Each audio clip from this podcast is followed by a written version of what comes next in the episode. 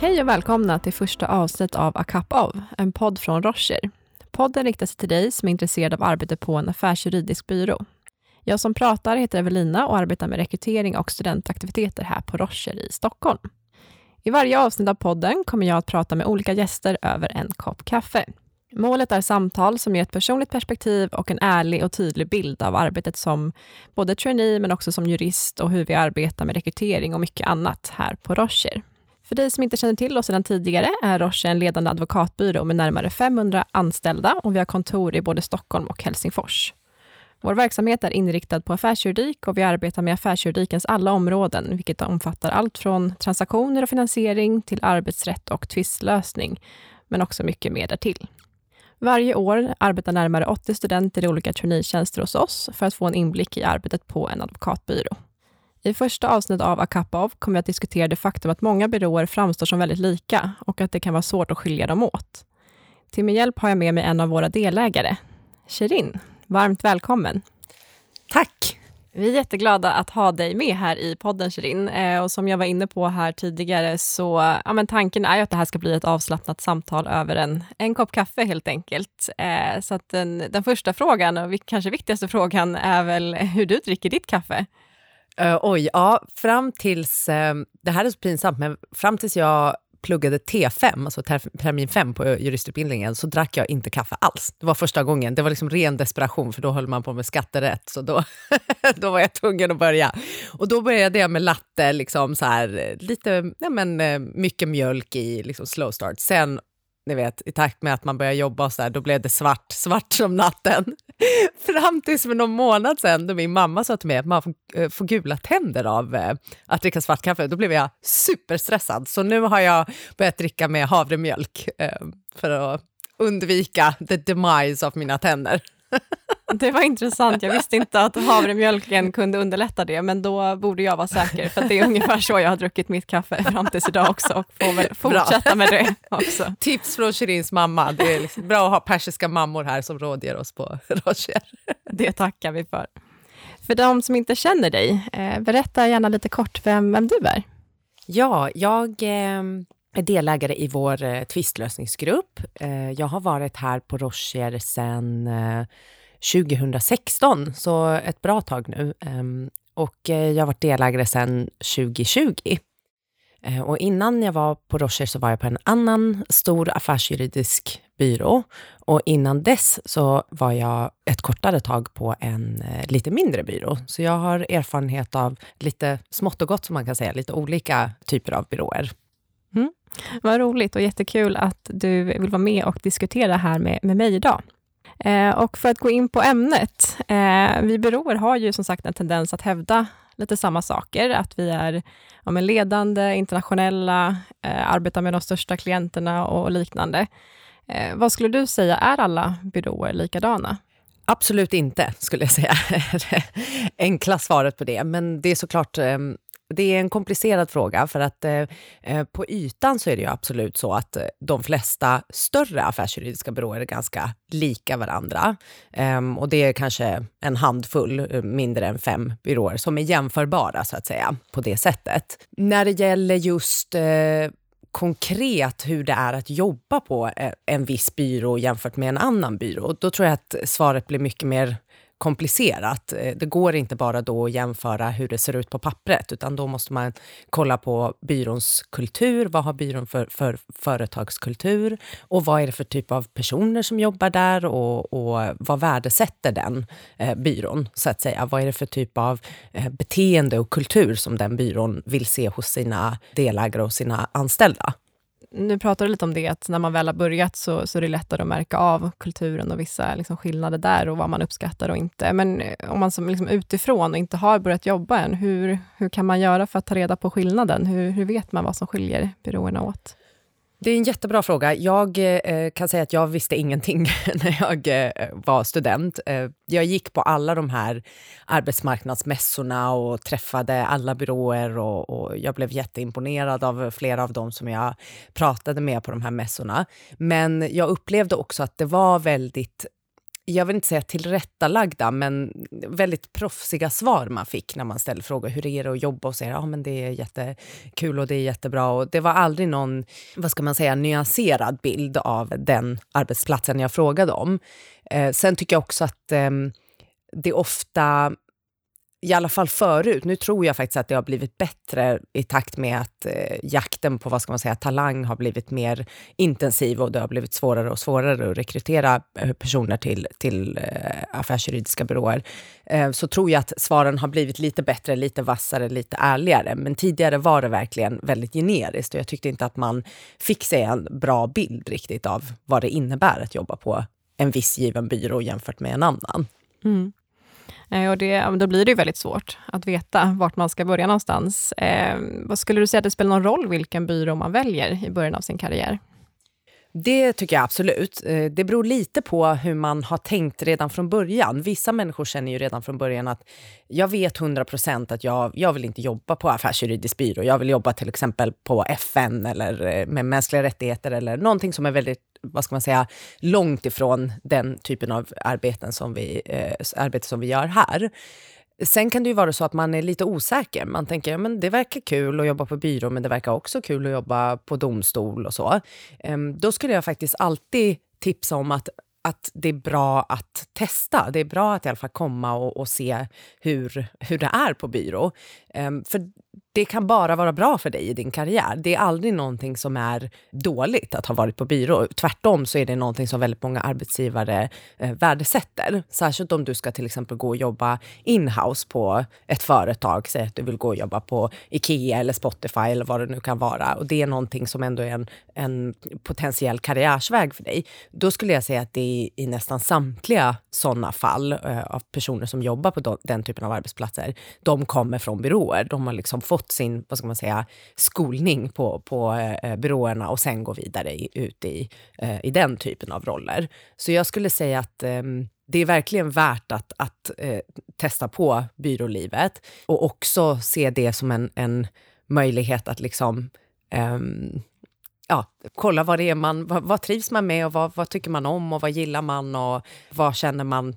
Man kan bli överraskad helt enkelt av hur roligt man kan tycka att det är. Jag håller med om det, att det är bra att testa på lite olika och där är ju lite som vi var inne på tidigare, just med olika traineetjänster och sådär, kan ju vara väldigt värdefull, att man skaffar sig erfarenhet och testa på lite olika redan under sin studietid. Men om man då går in på det här med att eh, jobba på byrå jämfört med andra eh, inriktningar, eh, som att det var i domstol eller direkt på bolag och sådär. Du var inne lite på det.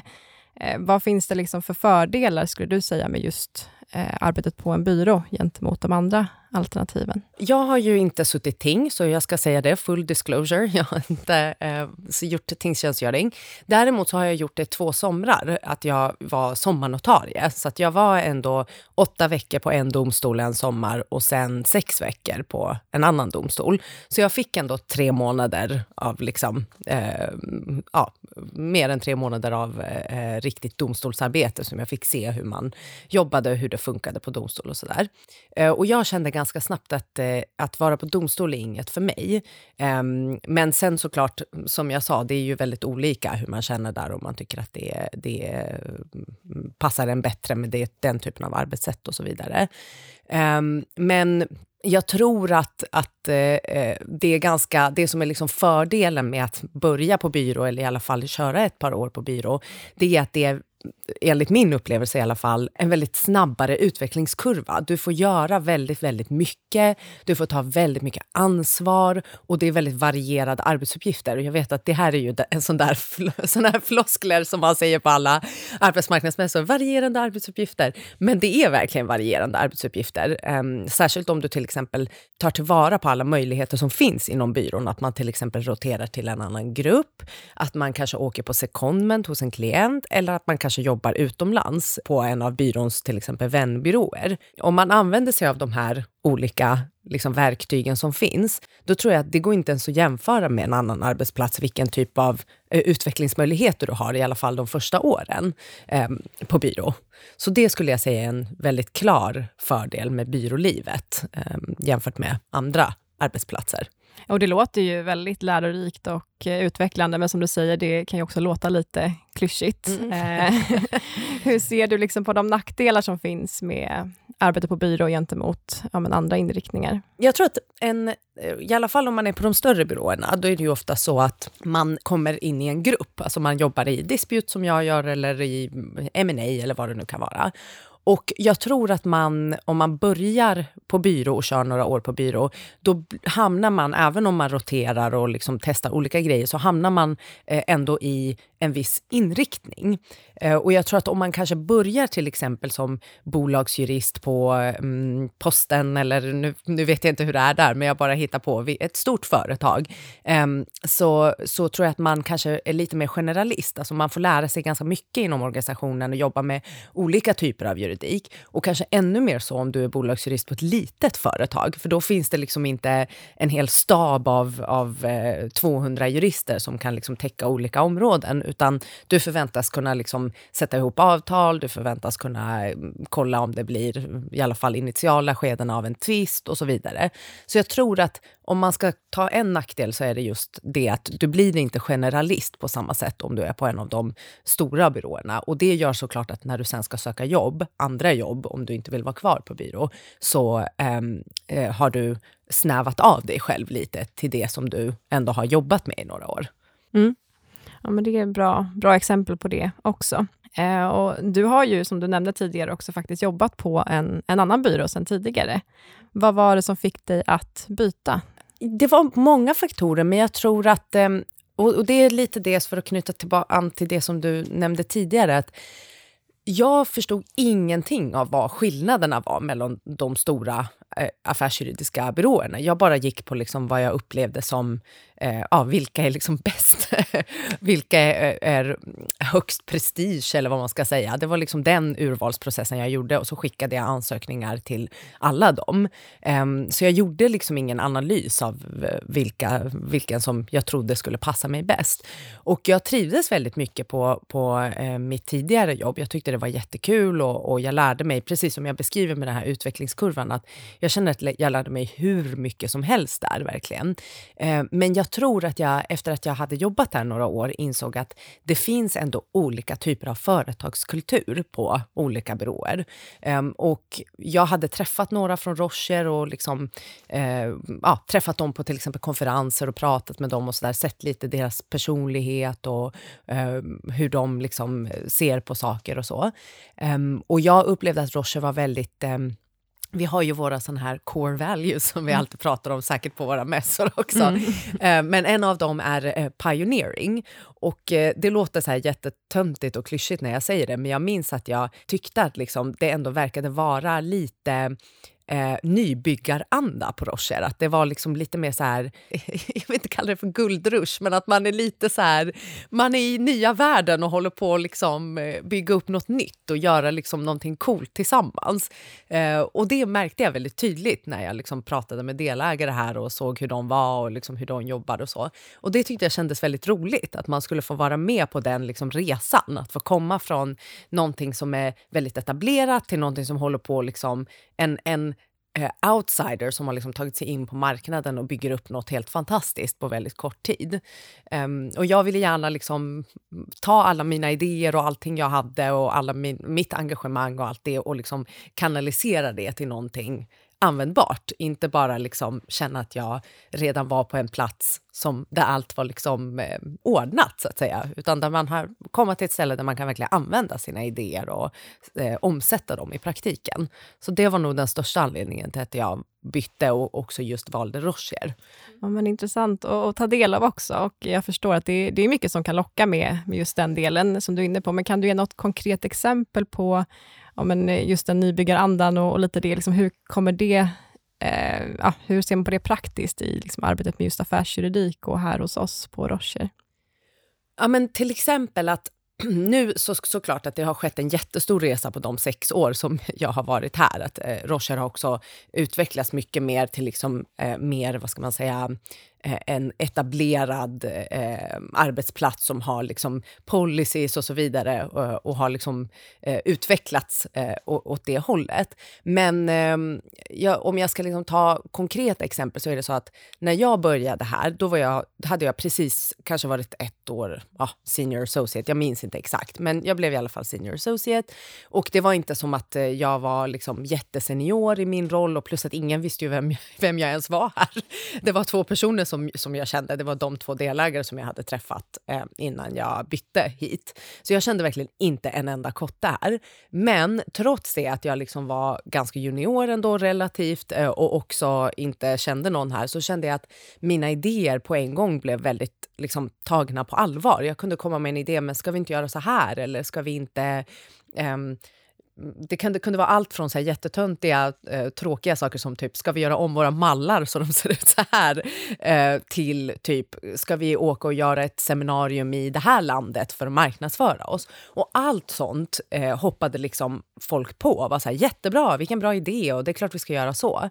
Ehm, jag känner att jag liksom blev väldigt involverad i sånt som kanske mer är så här ledningsfrågor eller delägarfrågor väldigt eh, tidigt i min karriär. Och det tyckte jag verkligen var super, super kul. Så det är väl liksom ett sånt konkret exempel, att man är väldigt delaktig i, i liksom hur byrån ska, vilken riktning byrån ska gå, hur gruppen ska jobba och så. Det är jätteroligt att du lyfter det exemplet också. Eh, och jag har inte alls varit här lika, lika länge som dig, utan bara några månader hittills faktiskt, eh, men upplever ändå samma sak. Och då jobbar jag också inom väldigt olika områden, eh, så det är kul att vi kan ha en likadan bild av, av de delarna. Finns det något annat så som du vill lyfta upp här nu till eh, våra lyssnare som kan vara bra att ta till sig nu när man är i början av karriären och funderar lite över sina karriärvägar framåt? Ja, alltså det är väl det som jag jag tycker att det är väldigt bra att våga fråga de som man känner. Om man känner till exempel någon som jobbar på eh, Rocher eller man känner någon som jobbar på någon annan byrå, att våga ta liksom, samtal. Det kan bara vara att ta en kaffe eller gå ut och ta en, ett glas vin och prata. Liksom, hur är det att jobba där och vad märker du? Och våga fråga eh, saker som rör, alltså ställa frågor som rör kultur. Vad har liksom den här arbetsplatsen för företagskultur? Vad är det för saker som den här arbetsplatsen värdesätter? Eh, och en sån jätteviktig grej till exempel som jag tycker eh, jag verkligen vill lyfta med Rocher, det är att här har vi ju eh, till exempel så att vi utvärderas baserat på våra de här fem core values. Och så är det inte på många andra ställen. Man kanske tittar mer på timmar till exempel. Hur många timmar har du jobbat och sen får du bonus på ba basis av det. Och det är liksom, man, som vi, man brukar skoja om att man bara trycker in det i ett Excel-ark så kommer det ut ett resultat. Liksom. Eh, och så har vi det inte alls här, utan här är det så att vi, vi har fem core values som vi har arbetat fram och tycker är viktiga, sånt som vi vill se hos våra anställda. Och sen så är det det som genomsyrar hela byrån. Hur vi sätter bonusar, hur delägarna utvärderas, hur alla anställda utvärderas. Det tycker jag är väldigt fantastiskt och någonting som eh, är värt att lyfta eh, och som inte är samma på alla olika alternativ som finns där ute. Så våga ställa såna frågor till era kompisar. Inte bara så här, jobbar du sent eller får man övertidsmat? Utan eh, liksom, eh, hur är det egentligen att jobba där? Vad är det för kultur och, och hur känner du att du får uppskattning? Det tror jag är jätteviktiga frågor. Så för att sammanfatta det lite då, så känns det som att man får testa sig fram lite grann, eh, helt enkelt vad som passar en bäst, men också passa på att eh, höra sig för och eh, se till att man också tar reda på vad man själv värderar och tycker är viktigt framåt. Det är väl lite det som jag uppfattar att du ehm, ja, har förmedlat här. Precis, precis. Ja, och verkligen att känna så här att liksom, det är inte Eh, det finns så mycket rykten i vår bransch. Alltså det finns väldigt mycket så här, så här är det att jobba på byrå, så här är det att jobba på X arbetsplats. Men alla har såklart sin egen uppfattning och sin egen erfarenhet som alltid är värdefull att liksom höra. Men jag tror att det viktiga är att kolla det, det som verkligen genomsyrar ett företag, det är dess kultur. Och det är den som liksom man måste försöka eh, vad ska man säga, identifiera för att kunna testa sig fram eller kolla, eh, är det här en arbetsplats som jag tror skulle passa mig? Jättestort tack eh, för värdefulla tankar och input här. Eh, jag tycker i alla fall att det var jätteintressant att lyssna till. Det tror jag säkerligen att våra lyssnare tycker också. Och eh, det var egentligen allt för den här gången. Eh, vi hoppas att du som har lyssnat har gillat detta första avsnitt. Vi vill jättegärna höra vad du tycker om podden och om det är några frågor, områden eller gäster som du vill att vi tar med framöver. Du kan mejla oss på acupov.podcast eller direkt till mig på evelina.norén Eh, prenumerera gärna på podden och följ oss också på Instagram, Facebook och LinkedIn för att ta del av uppdateringar och liknande. Stort tack Shirin ytterligare en gång och tack till dig som har lyssnat. Vi hörs!